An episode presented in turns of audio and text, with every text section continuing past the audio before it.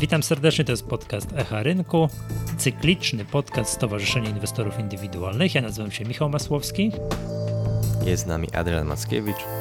Czołem, cześć, miło Cię słyszeć. Cześć. E, pierwsza rzecz, e, no jak zwykle, to musimy już w naszym podcaście robić takie rzeczy, czyli odnosić się do tego, jak wspaniale rynek idzie zgodnie z naszą prognozą. Przypomnijmy, ja tutaj zanotowałem, że 23 lipca mm, i nagraliśmy i wypuściliśmy tak w eter nasz, nasze nagranie, w którym powiedzieliśmy sobie, że tutaj, że taka prognoza, bezpieczna prognoza do końca roku to jest plus 10%, bez żadnych euforii, bez, bez hiperbolicznych kształtów wykresów i tak dalej. I mam tutaj update na dzisiaj, Adrian. Wziąłem jeden indeks, wziąłem WIG, tak? Nie kombinowałem z żadnymi tam subindeksami. Wtedy był 67 190. Był mom, aha, i żeby było, żeby się nasza prognoza spe, spełniła, no to musi być nowy rekord na WIG-u zrobiony, czyli tam 73 900 coś tam z hakiem.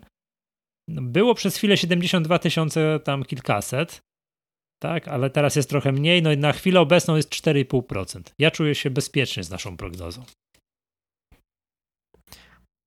No, cały, cały czas jest w zasięgu ręki. WIG na historycznych szczytach, teraz w korekcie, także idealna sytuacja na e, zakończenie tego, tej korekty i wypracowanie kolejnego impulsu do tych naszych 10%, a potem co się ma dziać, to niech się nie, dzieje. Nie, potem to nieistotne, potem powiemy, że prognoza się wypełniła i już będziemy Dokładnie. mieli z głowy.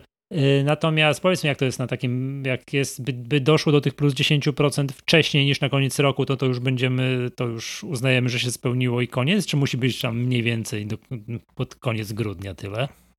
Myślę, że wtedy nagramy kolejny podcast, pochwalimy się, że nasza prognoza się sprawdziła no i zakończymy temat. Tak, no. ja, ale tak na serio, no to no. faktycznie tak jest, że na przykład na przykładzie tych rekomendacji, tak, one mhm z reguły ma się to założenie, że jest 12-miesięczna albo do zakończenia roku obrotowego. Czasem ostatnio teraz widać, że nawet niektórzy na 24-miesięczne się powołują. Natomiast co do zasady, jeśli w tym okresie kurs dojdzie do tej ceny docelowej, no to też niektóre biura nawet tak robią, że e, znaczy, po pierwsze, uznaje się, że rekomendacja się sprawdziła i już jest właściwie nieaktualna, no bo kurs akcji doszedł do danego poziomu, więc. E, no już pomimo tego zakresu, że ona tam była na 12 miesięcy, po 6 doszło, no to już jest właściwie, no tak w cudzysłowie mówiąc, nieaktualna. Jasne. Czy, czy, czy po prostu zrealizowana. Mhm. No, wiadomo, dobra, już tu pożartowaliśmy. Teraz yy, właśnie trochę bardziej na serio, co się może stać. Musimy sobie tutaj, chociaż nie możemy zostać w tonie żartu, yy, jakie wydarzenia na rynku mogą się wydarzyć, które co nam pokrzyżują, pokrzyżują nasze śmiałe plany, tak? Ciągnięcia rynku aż na plus 10%. No to pierwszy się realizuje i to już też mówiliśmy w poprzednim nagraniu, czyli wysoka inflacja. Tam była w sierpniu 5, nie przepraszam, w lipcu 5%, w sierpniu wyszło 5,4%, no i wygląda na to, że to nie jest koniec. Już widziałem coraz więcej ekonomistów mówi, że szóstkę dotkniemy, prawda? No i pytanie jest takie, kiedy nasz NBP przestanie się upierać, że jest to tam inflacja o charakterze przejściowym, to jest bardzo miłe sformułowanie, i zacznie nam no jednak podwyższać stopy procentowe, co z kolei wiemy, że nam mogłoby nam troszkę zabić, zabić yy, wzrost gospodarczy, no i co z naszymi wzrostami, tak? Wtedy, więc tutaj tak i tak źle, i tak niedobrze, więc moglibyśmy pozostać w takim status quo, że jednak ta inflacja mogłaby troszeczkę tak spaść i po to, żeby nie trzeba było obniżać stóp procentowych, to wtedy by i niech to do, do 31 grudnia grzecznie w takim zawieszeniu lekkim, mm, zawieszeniu lekkim dotrwa. Ja, ja widzę takie podstawowe zagrożenie. To nie wiem, czy jakie, jakie miałbyś inne pomysły na, na to, co jeszcze może nam włożyć kij w szprychy. No, powoli jakieś e, globalne otoczenie e, robi się coraz bardziej ryzykowne. Ostatnio dużo o Chinach się mówi, o potencjalnym bankructwie tego największego dewelopera Evergrande, który ma całkiem spore zadłużenie.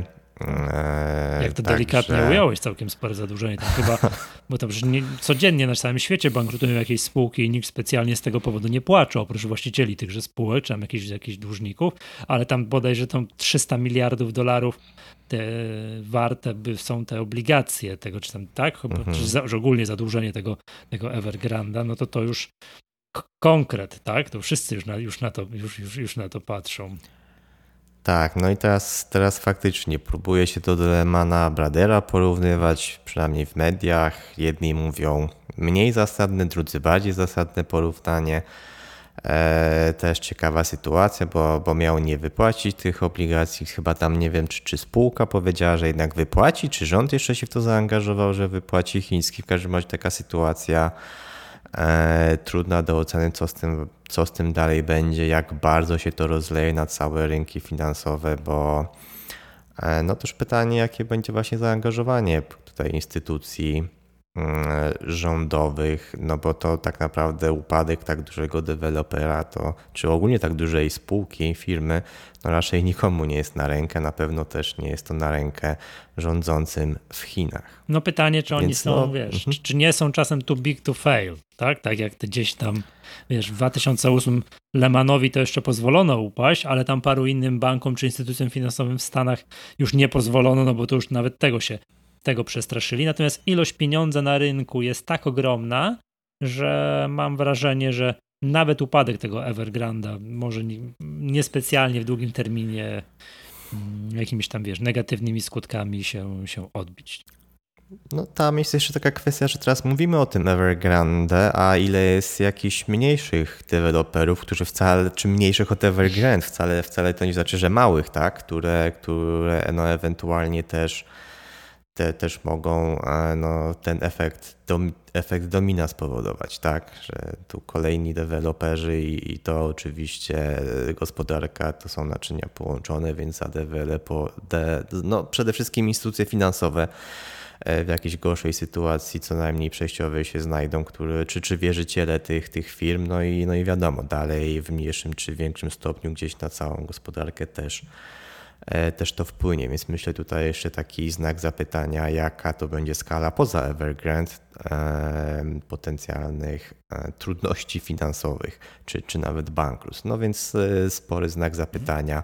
No i też jak, jak to będzie kształtowało nastroje, czy w Chinach, czy wręcz no na całym świecie na razie no, było trochę nerwów, teraz już się chyba trochę uspokoiło na rynkach w związku z tą sytuacją, ale nie wiadomo kiedy do nas to znowu wróci i w jakiej skali ostatecznie problem się e, zakończy. Jasne, no tutaj wymieniliśmy sobie kilka, a jeszcze dorzuciłbym pandemię. Gdyby przez przypadek ta jakaś kolejna fala, czwarta chyba, już teraz pogubiłem się, mm, troszeczkę bardziej ostrzej nas zaatakowała, no to też oczywiście będziemy się sprytnie wycofywać z naszych prognoz, ale ja bym nawet wymieniając wszystko, inflacja, mm, chińscy deweloperzy, pandemia i tak dalej, będę trwał niestrudzenie przy, przy, przy, przy prognozie plus 10% do końca roku i także inwestorzy tam, wiecie, trzeba się wziąć w garść i robić wszystko, żeby nasza prognoza się, e, prognoza spełniła, tak? Będziemy, będziemy na to oczywiście patrzyli. Troszkę tutaj sobie pożartowaliśmy, ale tak, ja tak na serio uważam, że to właśnie tak się stanie. To może jeszcze jeden czynnik taki ewentualnie za naszymi prognozami, mhm no ostatnio mocno te wzrosty między innymi banki ciągną, tak jak e, wspomniałeś. E, no inflacja, inflacja faktycznie póki co pozostaje jeszcze całkiem spora, wysokie te odczyty. Ostatnio widziałem jakieś chyba komentarze analityków, że spodziewają się, że być może RPP zareaguje trochę wcześniej z tymi podwyżkami i gdzieś te, te pierwsze podwyżki też w jakichś swoich oczekiwaniach niektórzy E, przesunęli. Z tego co pamiętam, chyba na drugi kwartał 2022 roku, tak? Czyli. Że za pół roku dopiero miałyby być jakieś podwyżki. Czy dopiero, no. To, to okay. akurat nie wiem, czy dopiero, ale, ale w każdym że, razie, gdzie. Mhm. Że to jakby tak powszechnej takie wiesz, wiedzy z makroekonomii, ze, ze, na studiach uczyli mnie, że jak robi się jakiś ruch na stopach procentowych, to taki efekt realny jest odczuwany po pół roku. Oczywiście na, na samym początku jest taki efekt psychologiczny, że o, tam bank coś robi, NBP coś z tymi stopami procentowymi walczy z inflacją, to może da radę. No ten efekt jest oczywiście widoczny od razu, ale taki efekt, że nie wiem, podniesie się stopy, no to będą droższe kredyty, to albo ludzie będą jakieś, przez, zmieni się na jakieś tam zauważalne oprocentowanie depozytów w bankach, to efekt jest widoczny po pół roku. Więc jak mieliby w drugim kwartale 2022 ruszyć stopy, to już za rok mielibyśmy pierwsze widoczne efekty tych podwyżek stóp procentowych. W gospodarce, a mhm. giełda wyprzedza giełdę o 3-6 miesięcy, tak? E, okay. ale, ale tak, e, czy, czemu to ewentualnie mogłoby być pozytywne? No podwyższenie stóp procentowych i, i zakładając, że to faktycznie weszlibyśmy w jakiś trend, że nie skończy się na jednej podwyżce, no to oczywiście pozytywnie dla banków. E, tym bardziej, skoro tu są oczekiwania, że ewentualnie do tej podwyżki może dojść e, wcześniej niż oczekiwano pierwotnie, czyli jakby oczekiwania są takie, że szybciej będziemy mieć e, tę podwyżkę, no to tym bardziej pozytywnie dla banków. No a banki mocno odbiły, właściwie kilka tam z nich już jest na historycznych szczytach, niektóre też atakują te historyczne szczyty, więc to może być pozytywne, w sensie pozytywnie wpływać na perspektywę przed bankami. No z drugiej strony pytanie, na ile tutaj jakiś scenariusz typu właśnie kupuj plotki, sprzedawaj fakty się zrealizuje. No i fakt, fakty, no i pytanie, czy jakieś mocniejsze oczekiwania co do tych podwyżek no, nie zbiegną się z scenariuszem, scenariuszem jakiejś korekty na bankach.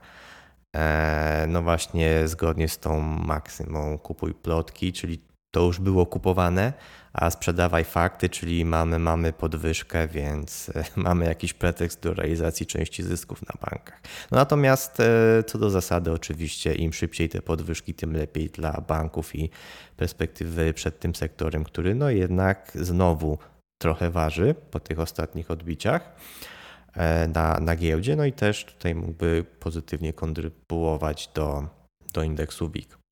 Mhm. Prawda. A propos tego twojego powiedzenia, czy twojego, no tak, którego ładnie tu użyłeś, mm, kupuj, w, jak to jest? Kupuj plotki, sprzedawaj. Kupuj plotki, sprzedawaj fakty. To chciałbym o naszym nieśmiertelnym CD Projekcie dwa słowa powiedzieć, ponieważ w przypadku tej spółki kupuj plotki, czyli kupuj wszystko. Przepraszam, wejdę no? ci słowo, Michał. Fajnie powiedziałeś nieśmiertelnym, żeby nagle się nie okazało, że jest śmiertelny.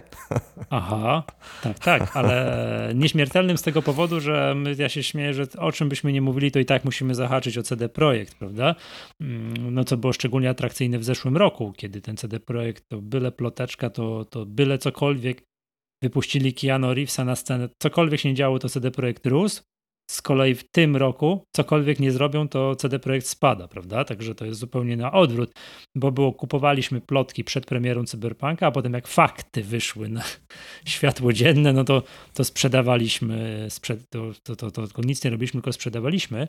Otóż mm, CD Projekt ogłosił, tutaj chciałbym tak dwa słowa skomentować, no to już prawie miesiąc temu, 2 września, z, yy, wyniki za pierwsze półrocze i to był taki fajny moment, bo giełda tam bardzo jakoś entuzjastycznie zareagowała. Tam w jednym dniu tam chyba 13% czy były wzrosty.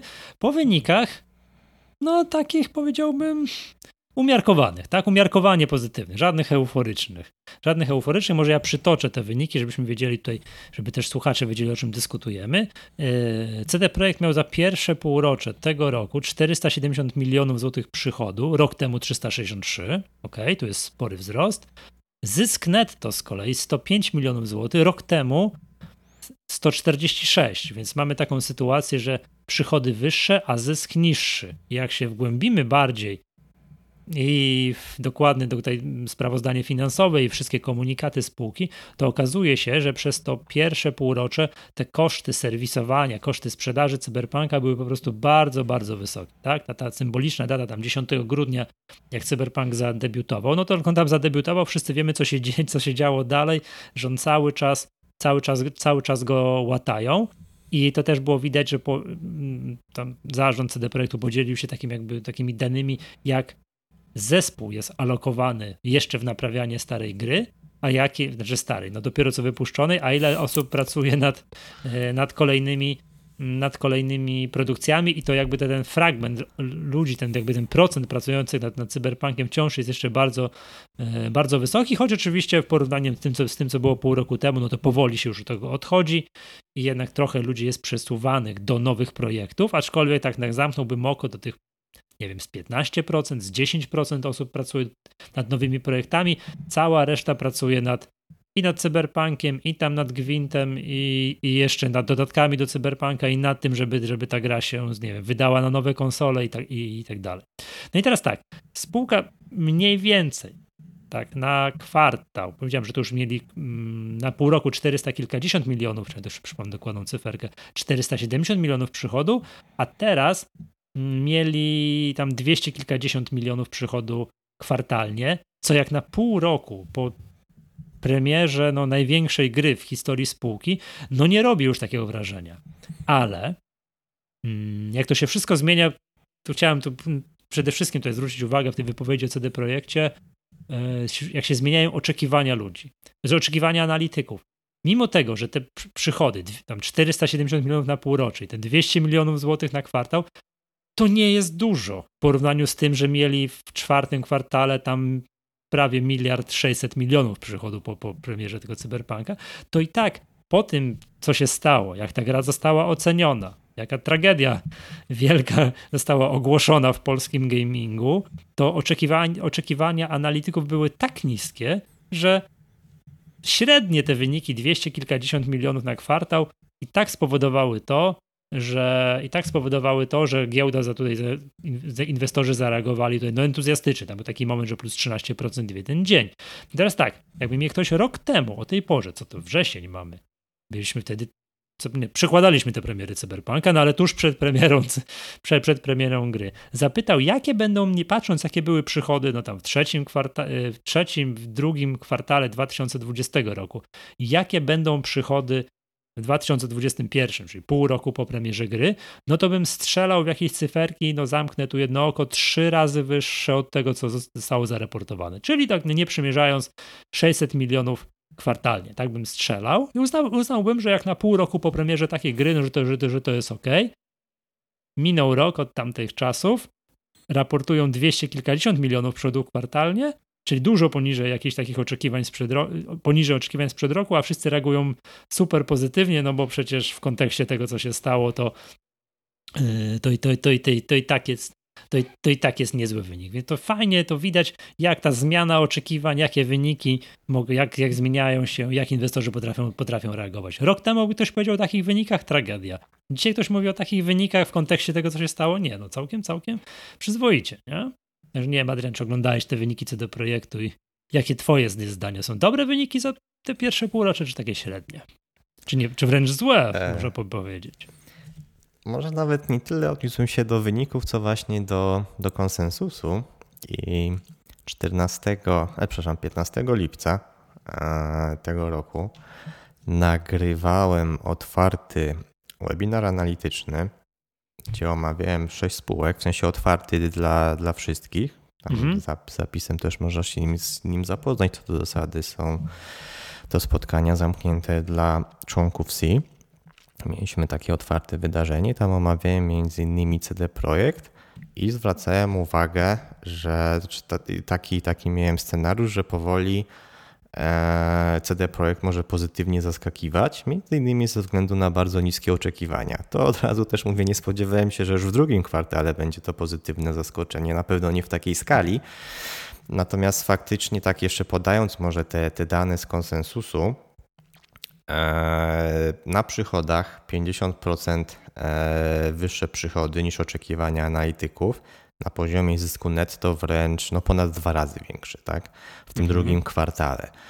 E, niektórzy tam zwracali uwagę, że spółka rozwiązała niektóre rezerwy, które pozytywnie wpłynęły na, na te wyniki. No natomiast z drugiej strony jedną rezerwę rozwiązali, drugą zawiązali. To się nawet lekko ujemnie zbilansowało.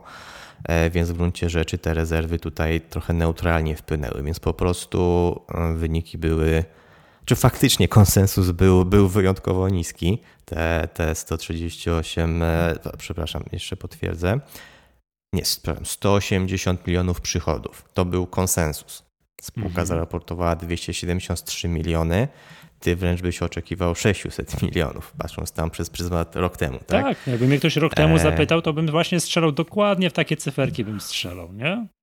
Tak, więc, więc tutaj po części materializuje się ten scenariusz, o którym mówiłem, czyli, e, czyli że te wyniki, czy, czy to, co CD Projekt pokazuje powoli jest lepsze od oczekiwań. I co ciekawe, pojawił się też taki obszerny obszerne podsumowanie komentarzy analityków w papie i oni dalej, e, dalej są negatywnie nastawieni, tak? Że tu jakiś, nazwijmy to w cudzysłowie, wypadek przy pracy był, że, że tam gra 21 Cyberpunk 21 czerwca wrócił do PlayStation Store, że tutaj mógł być jakiś pozytywny efekt i tutaj analitycy nie doszacowali.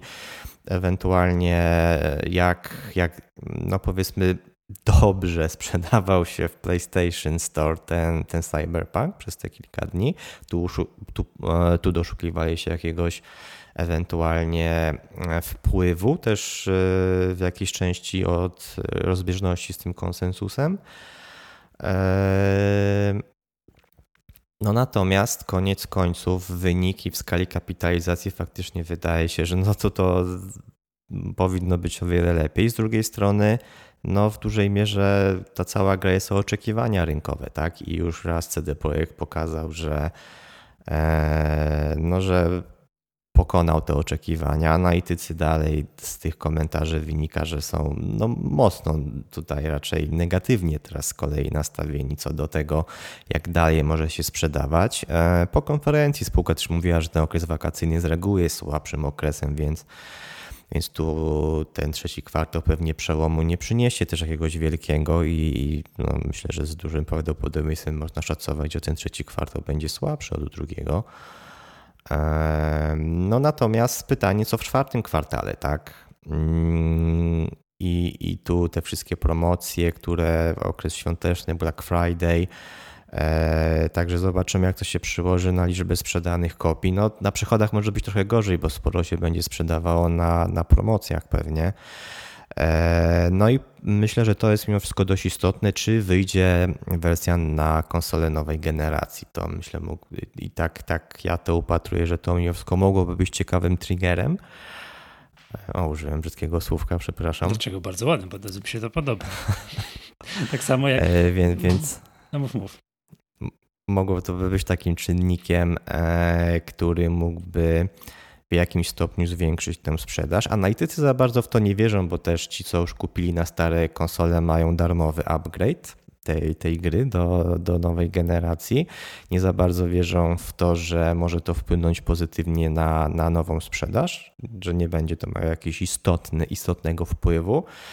E, no i do tego faktycznie ta konkurencja w tym okresie może być dość spora, chociaż zobaczymy też, e, bo chociażby Battlefield piąta część już została premiera przesunięta lekko póki co, więc wiadomo jak to jest z tymi zapowiedzianymi premierami, a realnymi premierami, więc dużo się jeszcze może zmienić. Natomiast na dzisiaj są jakieś obawy, że też będzie dużo, dużo jakichś innych dużych premier, które no nie będą ułatwiały dobrej sprzedaży Cyberpunka, który tam jest sprzed roku, relatywnie nisko oceniany, no i wiemy jaka jest ta cała historia i otoczka wokół tej gry. Natomiast ja bym tu upatrywał jakiejś może większej szansy w tym, że jeśli ta, ta gra nowej, na, na konsolę nowej generacji wyjdzie, no to też marketing trochę bardziej ruszy i promocja tej gry, tak? I tu bym upatrywał E, jakiegoś potencjału do pozytywnych zaskoczeń, że tak jak kiedyś mówiłem, CD Projekt chyba jest lepszy w e, marketingu swoich gier niż w robieniu tych gier, więc, więc tu bym upatrywał ewentualnie jakieś też pozytywne niespodzianki. No natomiast duży znak zapytania, czy faktycznie dowiozą to, bo to też jak zwracają analitycy uwagę, no nie może sobie spółka pozwolić na to, żeby Cyberpunk na konsolę nowej generacji znowu okazał się E, taką górą jak w grudniu e, rok temu. Tak? Prawda. Więc e, to na pewno są jakieś też obawy takie w krótkim terminie, też względem mojego scenariusza, że CD Projekt może dalej pozytywnie zaskakiwać względem oczekiwań i no, że faktycznie ta, to, ta wersja na nowe konsole może po prostu się przełożyć, no co co, co no nie byłoby już tutaj właściwie tego impulsu na, na jakąś fajniejszą sprzedaż w drugiej części roku.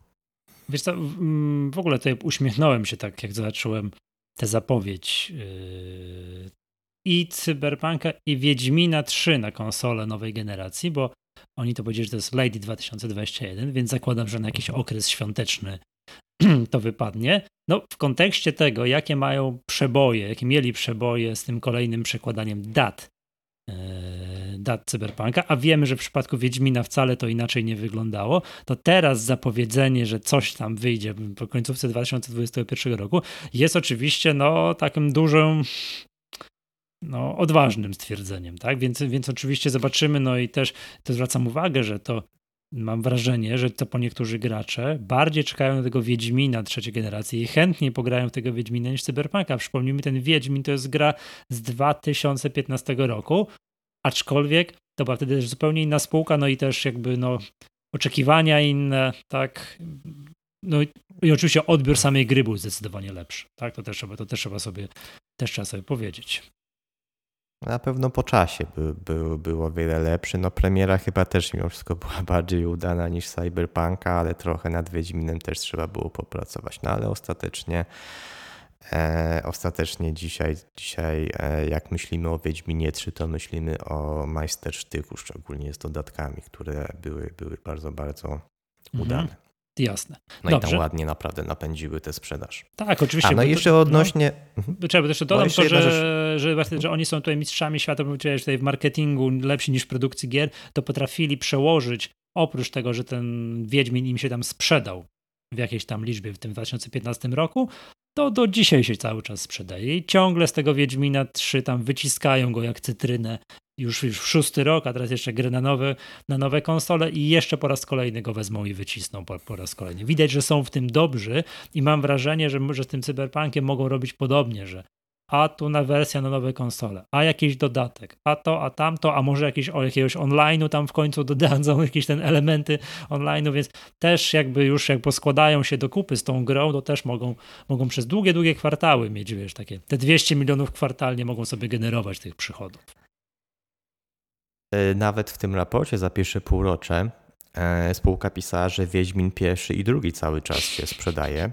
I także skoro wymieniła te tytuły, no to powiedzmy, że, że nie są to aż tak mikro. Mhm mikroskopijne e, przychody, tak bym zakładał, że, że gdzieś tam one kontrybują, no ale no wiadomo, no to, to mimo wszystko mały, mały udział. Jeśli chodzi o Cyberpunka, faktycznie jest tak jak mówisz, jedni wierzą e, w tego Cyberpunka, drudzy nie wierzą, no i jak dzisiaj jesteśmy inwestorem, no to szczególnie w jakimś tam krótkim, średnim terminie chyba głównie, głównie polega to na, na wierze w to, czy, czy faktycznie ten, ten, ten Cyberpunk e, no dalej go poprawią, i, i jeszcze, jeszcze będzie mm, tak jakościowo lepszą grą. Oczywiście bardzo ważna jakość, wersja nowe na konsole nowej generacji. To, co jeszcze chciałem dodać odnośnie komentarza co do CD Projektu, to zwracam uwagę, że w tym roku kończy się strategia spółki, którą zresztą komentowaliśmy z początkiem roku. Była aktualizacja do 2021 roku,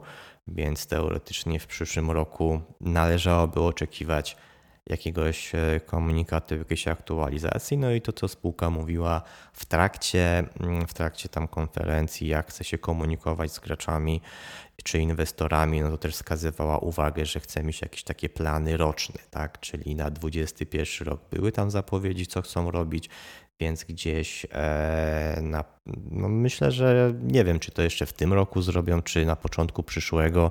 Chyba bym bardziej obstawiał początek przyszłego, też jakaś konferencja, jakieś zapowiedzi, co, co chcą zrobić w tym 2022 roku, więc jakieś nowe informacje, które też tam rynek zestawi ze swoimi oczekiwaniami. To, to myślę, że jak w przyszłym roku nie ogłoszą płatnego dodatku do Cyberpunka, no to negatywne zaskoczenie. Jakby ogłosili, że chcą dwa płatne dodatki wydać już w przyszłym roku, to myślę, że to mogło być na przykład pozytywnym zaskoczeniem. Myślę, że jeden płatny dodatek w przyszłym roku to byłby taki e, konsensus. No na pewno wydaje mi się, okej, okay, tak, tak, już sobie przypominam to, faktycznie omawialiśmy to, że to, to, czego raczej nie możemy się spodziewać, to czegoś takiego, że ogłoszą Wiedźmina 4, a kiedy, to nie wiadomo, jak będzie gotowy. Nie? To, to, to, takiej zapowiedzi raczej, raczej nie usłyszymy, choć może się zdarzyć, że ten Wiedźmin 4 gdzieś go tam klecą w garażu.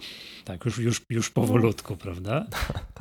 Dobrze. Na pewno jakieś prace trwają nad Wiedźminem czwartym, ale zanim to ogłoszą, to jeszcze pewnie grubych kilka lat będzie musiało minąć, żeby tak jasno potwierdzili e, co, jak, kiedy.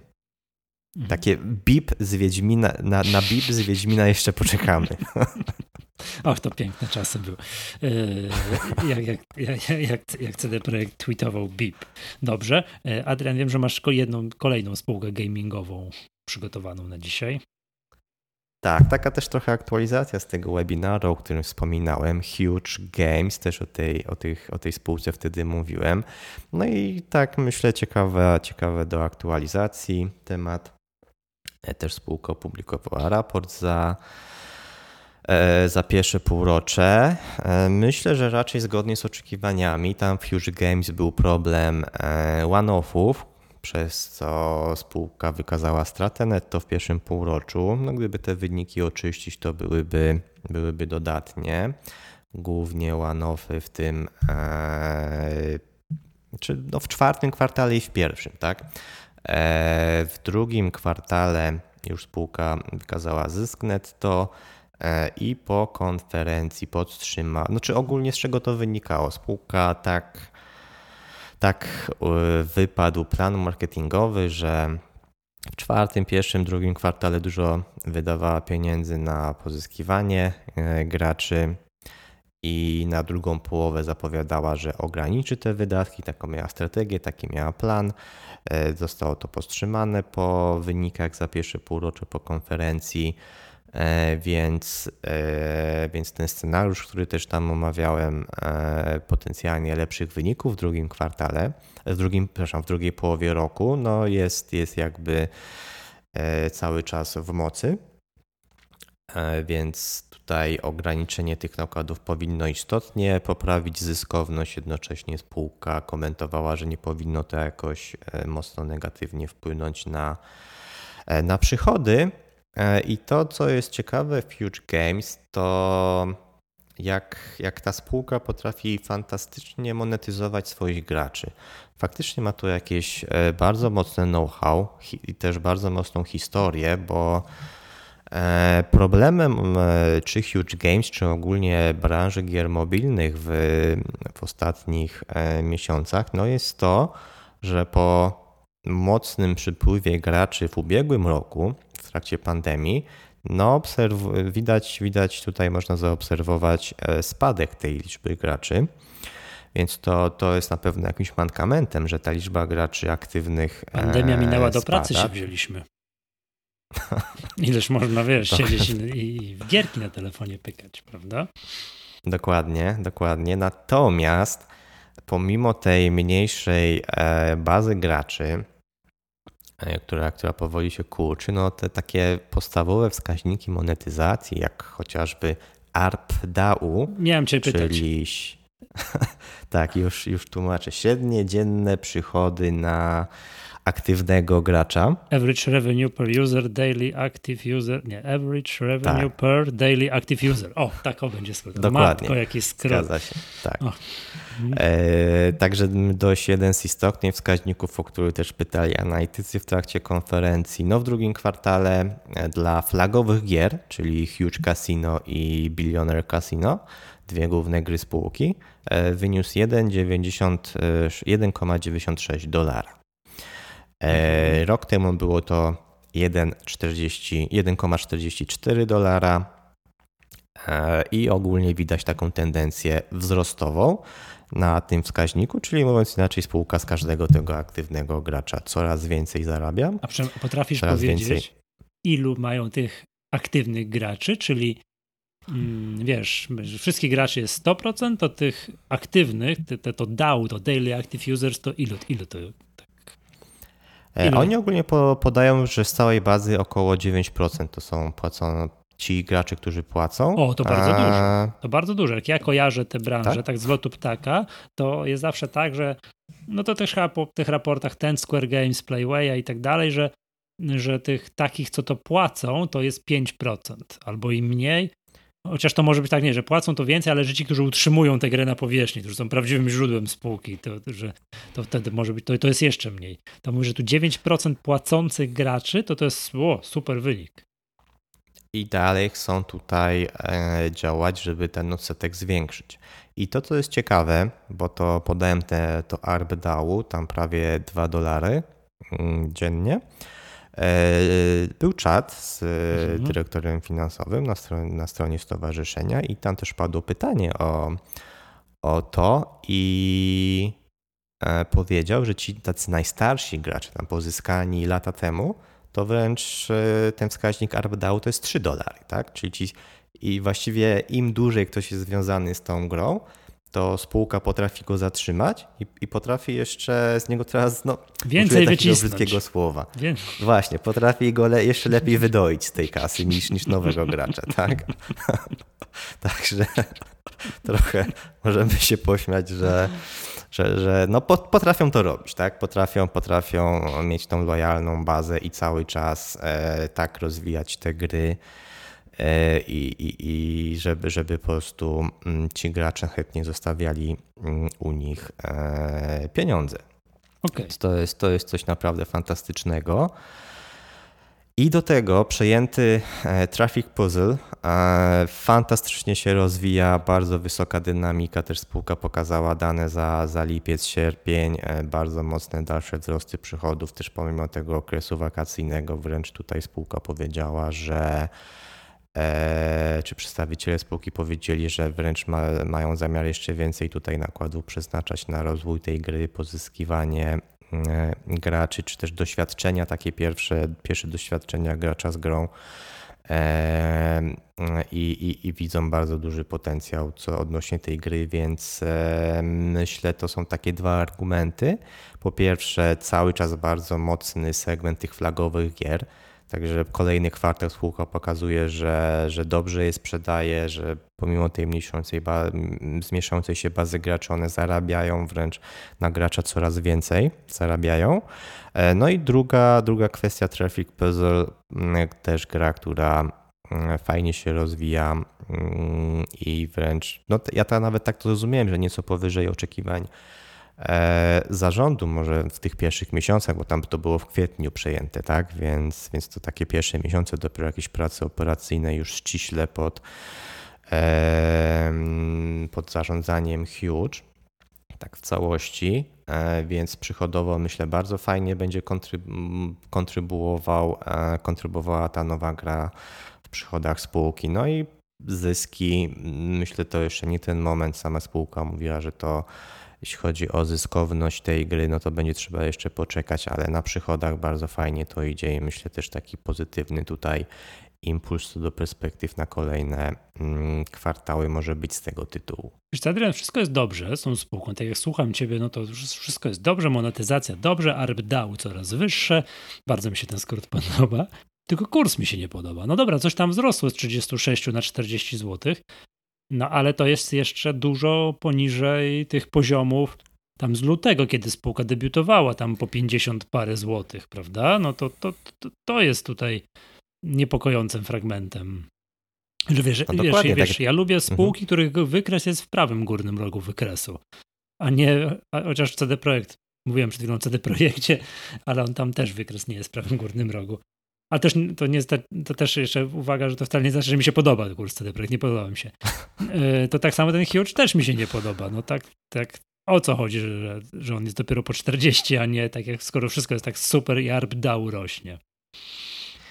No, czy jest, jest wiele czynników i ja przytoczę tylko, tylko no, krótko, tak? No, trochę w uproszczeniu, ale mniej więcej wygląda to tak, że spółka wchodziła na giełdę z fantastycznymi wynikami, pokazywała tam narastająco jakie wzrosty po trzech kwartałach e, przychodów, zysków. E, czwarty kwartał już na giełdzie. E, no, raport roczny, ale wyliczamy czwarty kwartał, strata netto 100 e, tysięcy, przepraszam, 100 milionów dolarów. Klasyka. E, Pierwszy kwartał 38 milionów straty w dolarach.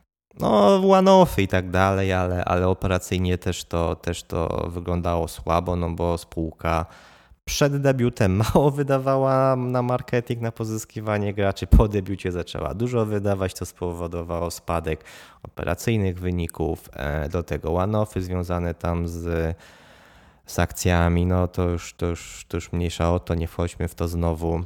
E, więc po pierwsze, e, do tego drugiego kwartału wysokie mm, nakłady marketingowe obniżały e, wyniki, więc to momentum wynikowe było fatalne. jeszcze z tymi one-offami. No i teraz się to powoli odwraca, tak? Ta druga połowa powinna być o wiele lepsza. Przy czym jeszcze czynnikiem ryzyka, na którym myślę warto wspomnieć i który trudno w gruncie rzeczy oszacować, zmiany podatkowe e, w Stanach, czyli chęć podwyższenia podatków. Ostatnio i tak e, trochę, trochę te, te założenia zostały obniżone co do tego, o ile mają wzrosnąć podatki. No natomiast e, mimo wszystko gdzieś ta stopa podatkowa wpływa też na poziom zysku netto.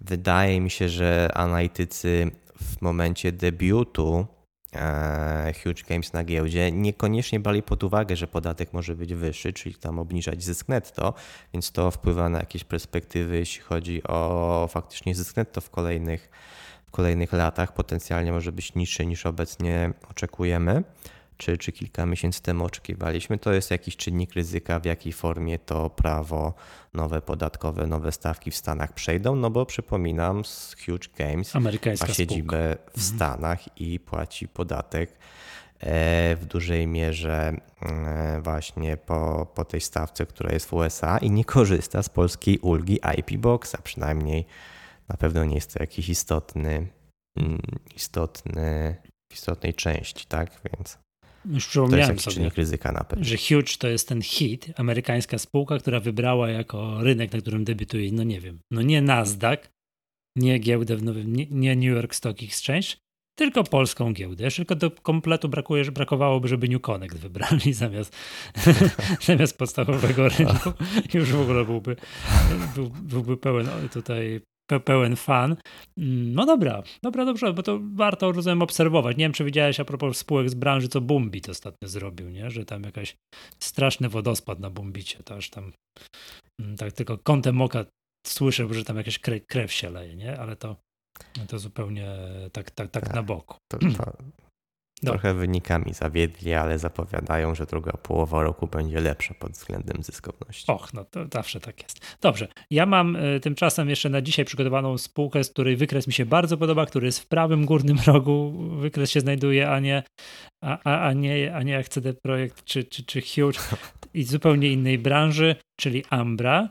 Um, Ambra to jest taka spółka, tak, czyli producent win tak, producent win, który, która jest, ja tutaj zawsze, gdzie gdzieś mi się zdarzy prowadzić jakiś wykład, jakąś prezentację o inwestowaniu dywidendowym, no to to ciężko mi jest się obyć bez wykresu Ambry, która nieprzerwanie przez ostatnie chyba 10 albo 11 lat płaci dywidendę. Zdaje się tam gdzieś w 2008 albo 2009 nie wypłaciła dywidendy, ale później w kolejnym roku dwa razy, dwa razy wypłaciła i przez te ostatnie 11 lat wypłacała bardzo regu, regu, regularnie i co chwilę podnosząc tę dywidendę. Teraz jest zapowiedź wypłaty dywidendy, bo oni tam przesunięty rok obrotowy mają, więc teraz kończą rok 2020-2021. Yy, teraz powiem dwa słowa o, o wynikach. No i zapowiedzieli rekordową dywidendę, tam 90, 95 groszy. No i spółka zwróciła moją uwagę, bo no przez ostatnie półtora roku. No w ostatnich miesiącach to mniej, no ale powiedzmy sobie pierwsza połowa, pierwsze kilka miesięcy tego roku, prawie cały zeszły rok, no to mieliśmy te punkty gastronomiczne w dużej mierze pozamykane. I ja sobie tak myślałem, że hmm, no punkty gastronomiczne pozamykane, mniej chodzimy do restauracji, mniej tego wina pijemy, no to chyba powinny być wyniki gorsze. Okazuje się, że nic bardziej mylnego. I tutaj na naszym forum, tutaj dyskusja o tej Amrze się tak trochę się zaczęła. No i bardzo mi się podobał komentarz jednego z czytelników, że jednego z tutaj z dyskutujących inwestorów, że pandemia pandemią, a człowiek nie wielbłąd i pić musi. I co się okazuje? Jak się tutaj dobrze wgryziemy te, w te wyniki Ambry, przy, przepatrzymy sobie, to okazuje się, że sprzedaż wina w ogóle w Polsce nie dość, że nie zmalała, to w tym ostatnim roku to jeszcze wzrosło, tak? Że to, to nawet to są jakieś, mm, jakieś cyferki, tak? Ile w milionach złotych wydaliśmy na wino i tak jak rok temu wydaliśmy 3 miliardy 412 milionów złotych, my jako Polacy na wino ogólnie, tak? W ostatnim roku 3 miliardy 827 milionów. Oczywiście w tym roku tej, tej Ambrze, tak? Oni mają, przypomnijmy, przesunięty ten, ten, ten, rok, ten rok obrotowy, czyli 12% więcej. Ta pandemia COVID-19 tylko zwiększyła dynamikę wzrostu, a nie, nie zmniejszyła. Można byłoby tutaj takim mm, czerstwym żartem rzucić, że siedzieliśmy zamknięci w domu, w depresję popadaliśmy i w związku z tym więcej alkoholu piliśmy, bo świat na, trzeźw, na, trzeźw, na trzeźwo jest nie do zniesienia. No trochę tak jest, mm, znaczy trochę, no tak, no tak się jakoś stało, tak? że nie dość, że Przypomnę piliśmy... ci, Michał, tak? że, przepraszam tak? ci wejdę słowo, przypomnę ci, że rok temu, jak nagrywaliśmy jakiś chyba podcast, no. które branże mogą zyskiwać, to mówiłem, że branża alkoholowa może zyskiwać w czasach e, właśnie kryzysu i też tak to podsumowaliśmy, że jak jest kryzys, jak jest depresja, to co tu robić? Siedzieć w domu i Grać w gry, oglądać filmy się. na Netflixie i, i napić się. Oczywiście, że tak. No, no i tak, no i co tutaj mówić, to, to, to trafiliśmy, tak, że to skoro tak, tak, bo to trafiliśmy. Więc pijemy tego wina więcej. To jest jakby nie, nie wszystko. Ale tutaj Ambra w swoich tych materiałach pokazuje, to w ogóle jest nowe słówko. Znaczy nie wiem, czy nowe, ale to bardzo odkrywam te słówko w, pre, w prezentacji Ambry, że nazwali tak jak już jeden ze slajdów, że nasze rynki się premiumizują. No w dużym uproszczeniu chodzi o to, że pijemy tych alkoholi i więcej, i lepsze, i droższe.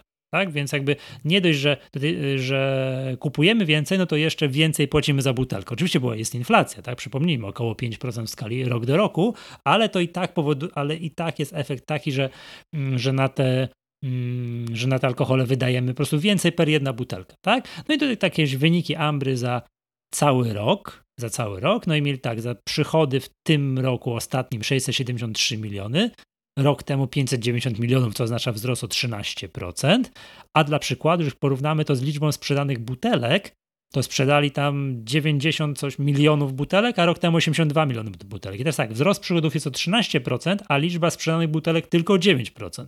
Co pokazuje, że i kupiliśmy więcej butelek i one są droższe, tak? Droższe Zysk netto spółki za ostatni rok 45 milionów, w poprzednim roku 34, to jest wzrost o 31%. No i tutaj pośmiałem się, też ja tutaj się uczę, jako tutaj młodszy analityk tutaj w stowarzyszeniu, że ma, spółka ma coś takiego, jak tutaj, to od ciebie Piotrka się dowiedziałem, że istnieje coś takiego jak ujemny dług netto, mieli poprzednio 47 milionów, a teraz mają minus 17 milionów. Dłuższą chwilę musiałem dochodzić do tego, co to jest ujemny dług netto, bo doszedłem już do tego, że tak chodzi o to, że mają o 17 milionów złotych więcej gotówki niż, niż, niż, niż, niż zadłużenia, niż zadłużenie łącznie. Przyznam się szczerze, że to tak Tutaj, no, no mówię, uśmiechnąłem się, bo chętnie bym po prostu usłyszał, nie wiem, słów sformułowanie dodatnia pozycja gotówkowa, tak? Więc mają, więc, więc tak to, yy, więc tak to wygląda, tak? Tak, tak to wygląda. Mm, cóż tu mogę powiedzieć? No i teraz najważniejsza rzecz. Ambra, mówię, od tych gdzieś ponad 10 lat wypłaca regularnie dywidendę. Raz ją chyba, nie, dwa razy ją chyba tylko zmniejsz, nie, zmniejszyła. Także, nie, przepraszam, ani razu jej nie zmniejszyła. Za każdym razem ją albo pozostawała stała, albo zwiększała. No i w tym roku jest zapowiedź rekordowej dywidendy. To jest aż 95 groszy i mamy kurs, jest aktualnie na historycznych szczytach ponad 20 ponad 25 zł. I teraz tak, Ambra spełnia taką moją, jakby to powiedzieć, definicję spółki, którą możemy kupić na zawsze, trochę jak Warren Buffett, tak, że kupiłem na emeryturę i niech moje wnuki odziedziczą tę Ambrę, ponieważ, jak sobie tak myślę, no nie wiadomo, oczywiście wiadomo, że biznes się może zepsuć, ale chodzi o sam charakter. Spółka się może, no coś tam się może stać w spółce, ale chodzi o charakter samego biznesu. Jak zadam sobie pytanie, czy za 100 lat ludzie będą pili wino, wydaje się, że będą. Tak, że tu się nic nie stanie i będą pili jeszcze droższe te wina i więcej, jak w miarę bogacenia się społeczeństwa.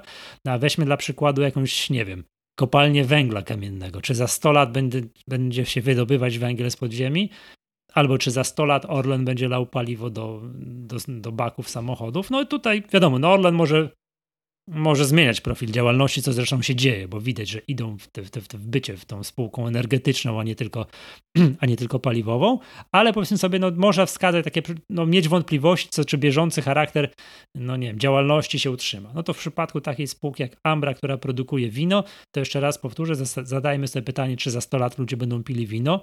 No wydaje się, że będą, tak? Więc więc spełnia moją taką definicję, że można kupić do nieskończoności. Więc jakby tu chciałem podać jako przykład fajnej spółki, która no, obroniła się przed pandemią, jakby wpisała się w te nowe trendy, że ludzie przy, teraz nie idą do restauracji pić wino, tylko kupują sobie te drogie wina do domu i siedzą, piją, to nie, nie chciałbym powiedzieć w samotności, ale piją w domu, piją w domu drogie wina. Mają ujemny, do lustra. Pośm, do lustra. Pośmieje się, mają ujemny dług netto, chociaż nienawidzę tego sformułowania, czyli mają więcej gotówki niż, niż, niż zobowiązań, zarekomendowała rekordową dywidendę. I też, no tak, tak, tak, to ja w zasadzie tyle. Nie wiem, czy, czy miałeś okazję, Adrian, rzucić okiem na te wyniki Ambry jak to wygląda, no bo to powiem tak, no przyczepić się specjalnie nie ma do czego. Tak, patrzyłem na prezentację i przyczepiłbym się od razu na początku. Znaczy przyczepił, no sama spółka zwróciła uwagę, że o 7 milionów złotych mniej wydała na marketing, tak? No to biorąc pod uwagę, że tam zysk operacyjny zwiększył się o 20 milionów złotych i z tego 7 milionów złotych to były mniejsze wydatki na marketing, no to dość, dość istotny ma, miało to wpływ, tak? No Natomiast dobrze. to jest też znowu takie... Um, jeszcze raz? To dobrze. No, jak za rok wydadzą, powiedzmy, wrócą do tych wyższych nakładów marketingowych i pojawi się 7 milionów w kosztach, to już może nie być aż tak dobrze. No ale, ale no to znowu nie wiem, czy to jest specjalnie, żeby, żeby się tutaj mm, taki właśnie typowy argument, żeby się do czegoś doczepić. E, no, natomiast na to na pewno bym zwrócił uwagę, no bo też mam takie przemyślenie odnośnie Ambry. Faktycznie bardzo ładnie od lat to rośnie i chwalimy Ambrę. Coraz wyżej kurs akcji, coraz wyżej, e, coraz wyższa dywidenda.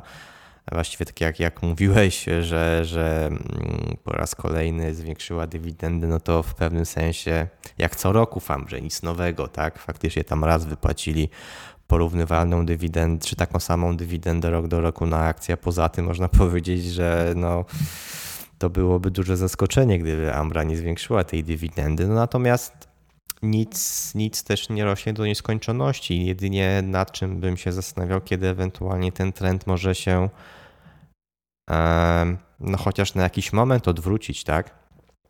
E, te, te 7 milionów marketingu może, może jest jakimś ryzykiem, że przyszły rok zobaczymy, jak to na zyskach wyjdzie porównywalnie, ale też nie szukałbym tu specjalnie na siłę dziury w całym, e, no bo też, też widać, że bardzo, bardzo fajnie od wielu lat spółka się e, rozwija. E, szuka też nowych okazji na rynku. To jest przykład cydru lubelskiego. Chyba nie do końca ten biznes udał się tak, jakie było oczekiwania i, i aż tak w tym cydrze się po, jako Polacy nie zakochaliśmy. No natomiast myślę, że to i tak należy oceniać pozytywnie, że spółka próbuje wyjść też na jeszcze bardziej się zdywersyfikować na, na jakieś nowe segmenty się pojawić, więc e, myślę, że jeśli w przyszłości byśmy nie pili tego wina, tylko na przykład zaczęli coś innego pić, no to jest duża szansa, że Ambra też będzie próbowała w tym partycypować, więc pomimo, że może przygoda z cydrem aż tak bardzo się nie udała, no to i tak i tak oceniałbym pozytywnie, że, bo widać, że spółka też nie ma zamiaru spocząć na laurach czemu i dalej uważasz, pracuje że, nad że, że przygoda z cydrem się nie udała. Co tam jest nie tak? Bo ja to akurat znam takich. No, Wiem, że to jest taka analiza fundamentalna u podstaw, ale mam znajomych, którzy raportują, że wypili tego cydru przez ostatni rok hektolitry. No, z tego co kojarzę, oczekiwania były tak. trochę większe, że cydr się lepiej okay. przyjmie i więcej będziemy go, go pili, będzie miał większy udział, ale no też, też nie wydaje mi się, żeby Ambra jakoś specjalnie chwaliła się tym, jak się sprzedaje cydr, raczej właśnie wina. E, więc no nie, nie mówię, że to jakoś źle idzie i tak dalej, tak? Ale względem oczekiwań też z tego co pamiętam, jak Cambra jeszcze trochę bardziej śledziłem, no to ten, ten cydr lubelski raczej, raczej troszkę poniżej tych oczekiwań się, się kształtował. Okay. Natomiast tak jak mówię, to, że szukają nowych obszarów jak najbardziej in plus, więc oczywiście trzymam kciuki, żeby, żeby to dalej rosło, tak jak spółka komentuje do jakichś tam krajów zachodnich, dalej jeszcze mamy sporo do nadrabiania, jeśli chodzi o, o picie wina, więc trzymam, trzymam za nas kciuki. Po, po, podejmijmy to wyzwanie, dogońmy rynki zachodnie w konsumpcji wina e, i oby Ambra na tym, na tym e, oczywiście korzystał. Jasne, dobrze. Czy Adrian, masz jeszcze jakąś spółkę na dzisiaj? Tak, na koniec, na szybko jeszcze chciałbym e, słowem, e, czy, czy na, na szybko omówić e, Answer.com, to już przy okazji omówienia wyników, które opublikowałem na stronie stowarzyszenia. Zapraszam też na forum do, do jakiejś wymiany opinii na temat Answer.com, czyli e-commerce odzieżowy, głównie marki premium, to też widać po po strukturze sprzedaży w ostatnich, e, no w tym półroczu, nawet tak powiedzmy w tym półroczu 21. E, tam mocno też zwiększył się udział sprzedaży marek premium w strukturze. Mm, spółka cały czas korzysta na dźwigni operacyjnej, więc te wyniki dość istotną poprawę notują. I fajnie, fajnie też w mojej opinii fajnie wygląda na przychodach. Spółka zwracała uwagę, że e, no rok temu popyt wręcz był tak duży, że no spółce zabrakło kapitału, żeby zaspokoić ten, ten popyt. Po prostu nie mogła się odpowiednio zatowarować, bo no, mówiąc wprost nie było pieniędzy na to, tak? Więc e, to pod koniec roku, czy na, na, na, na przełomie 2020-2021 roku było, była oferta publiczna ten kapitał udało się pozyskać. Widać to po bilansie, widać po tym, jak puchną zapasy, także widać to po mm, celach finansowych w programie motywacyjnym 650 milionów złotych sprzedaży online. E, w tym roku. Taki jest cel w programie motywacyjnym, czyli wiadomo, że jest tam pi razy oko, traktujemy to jako prognozę finansową. Nie jest to prognoza, ale, ale wiadomo, wiadomo jak to traktujemy. W 20 było to około 400 milionów, tam powyżej 400, więc też całkiem spore dynamiki wzrostowe z tego wychodzą i spółka oczekuje wypracowania takich wyników i no i patrząc właśnie na zapasy, na to ile, ile się zatowaruje, zatowarowuje spółka, to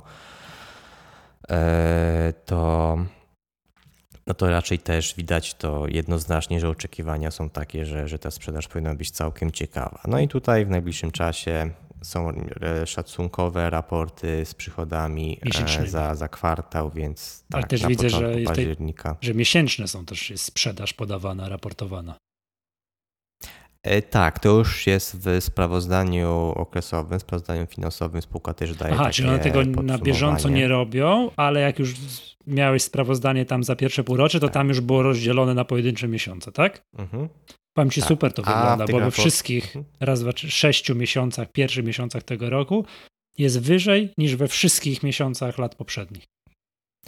Tak, i też na pewno warto zwrócić uwagę, że w tym drugim kwartale e, każdy miesiąc był coraz lepszy pomimo faktu, że otwieraliśmy galerię, tak? Więc galerie weszły, handel stacjonarny wszedł, a Answer też mimo wszystko powoli, e, też z miesiąca na miesiąc lekko ta sprzedaż się zwiększała. To myślę cały czas wielu inwestorów się o to martwi, o ten efekt bazy. Ja też troszeczkę miałem tutaj wątpliwości, jak ten drugi kwartał może się udać, jeszcze właśnie w związku z otwarciem tych galerii handlowych. No natomiast czy ten wstępny raport e, szacunkowy, który spółka dała za drugi kwartał, czy teraz właśnie w sprawozdaniu potwierdzenie tymi danymi miesięcznymi, myślę, tutaj fajnie pokazuje, że że ten e-commerce daje radę i ja ogólnie cały czas jestem pozytywnie nastawiony do, do sektora. To jakby słuchacze webinarów analitycznych e, wiedzą.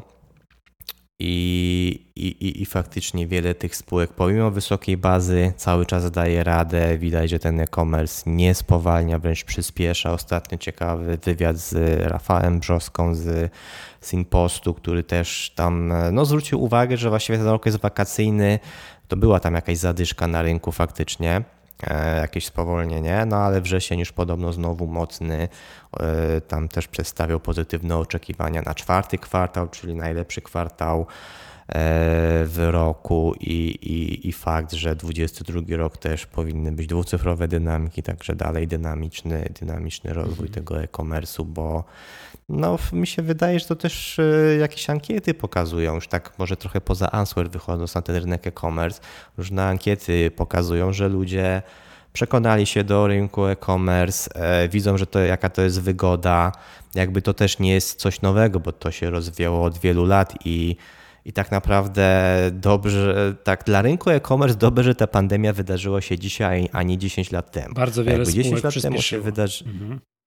Tak, jakby to było 10 lat temu z tą całą infrastrukturą, którą mieliśmy, tym jak działały te sklepy internetowe, E, gdzie ten rynek też no, no w 10 lat dla młodego rynku to, to jest cały czas sporo, więc no to jak to wyglądało 10 lat temu, no to mogło, mogłoby nie być aż tak dużej satysfakcji klienta z tego całego procesu od przeglądania tego sklepu internetowego przez cały proces zamówienia, czy następnie zwrotu.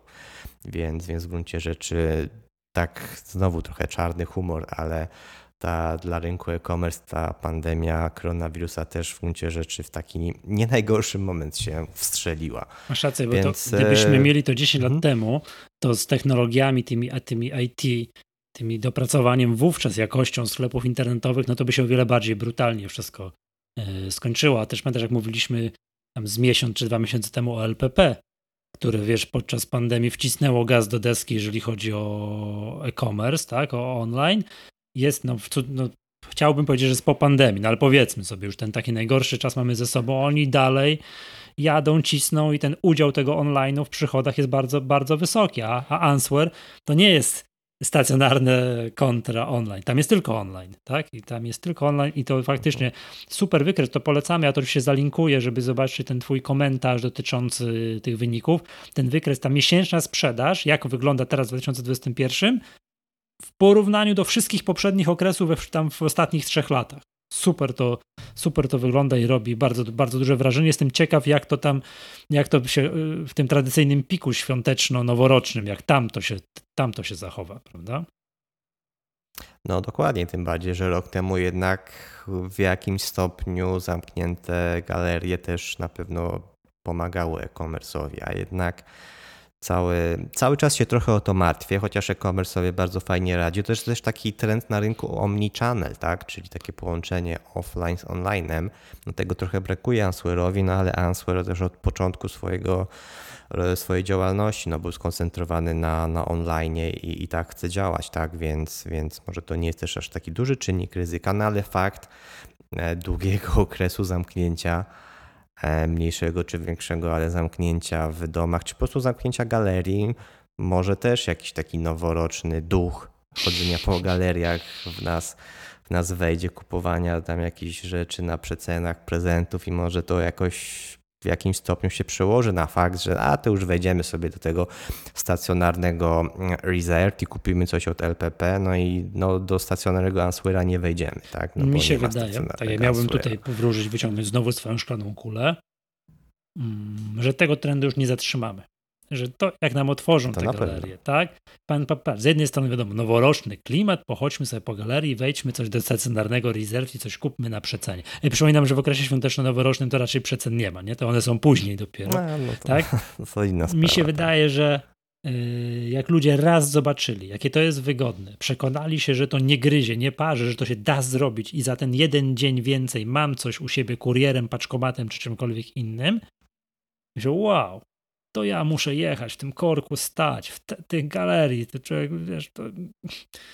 Nie, nie, nie, to coś tu kliknę sobie wieczorem w online. mi się wydaje, że to w tym kierunku będzie podążało, że te sklepy stacjonarne będą uzupełnione dochodzimy do tego, że sklepy stacjonarne będą uzupełnieniem online'u, a nie na odwrót, jak przez całe lata bywały, że główna sprzedaż przez sklepy stacjonarne i coś tam zawsze z tego online'u wpadnie. Teraz te proporcje moim zdaniem będą się, będą się za, za, zamieniały, na czym no, też mi się wydaje, miałem tak popatrzeć, no, no mówię, to szklana kula, tak? Będę, jak to mówił jeden, czyli polityk, chyba poseł Pęk, tak? Będę mówił z głowy, czyli z niczego, chociaż nie, nie wiem, czy to poseł Pęk to, to tak bym w tym kierunku patrzył raczej, że to te takie typowo online'owe spółki będą zyskiwać. Tak? One nie mają tej bazy stacjonarnej, no teraz w pandemii to jest problemem. Otwierać, zamykać, zaraz znowu zamkną, to będzie można, można inwestować w nowe sklepy, no trochę się boimy.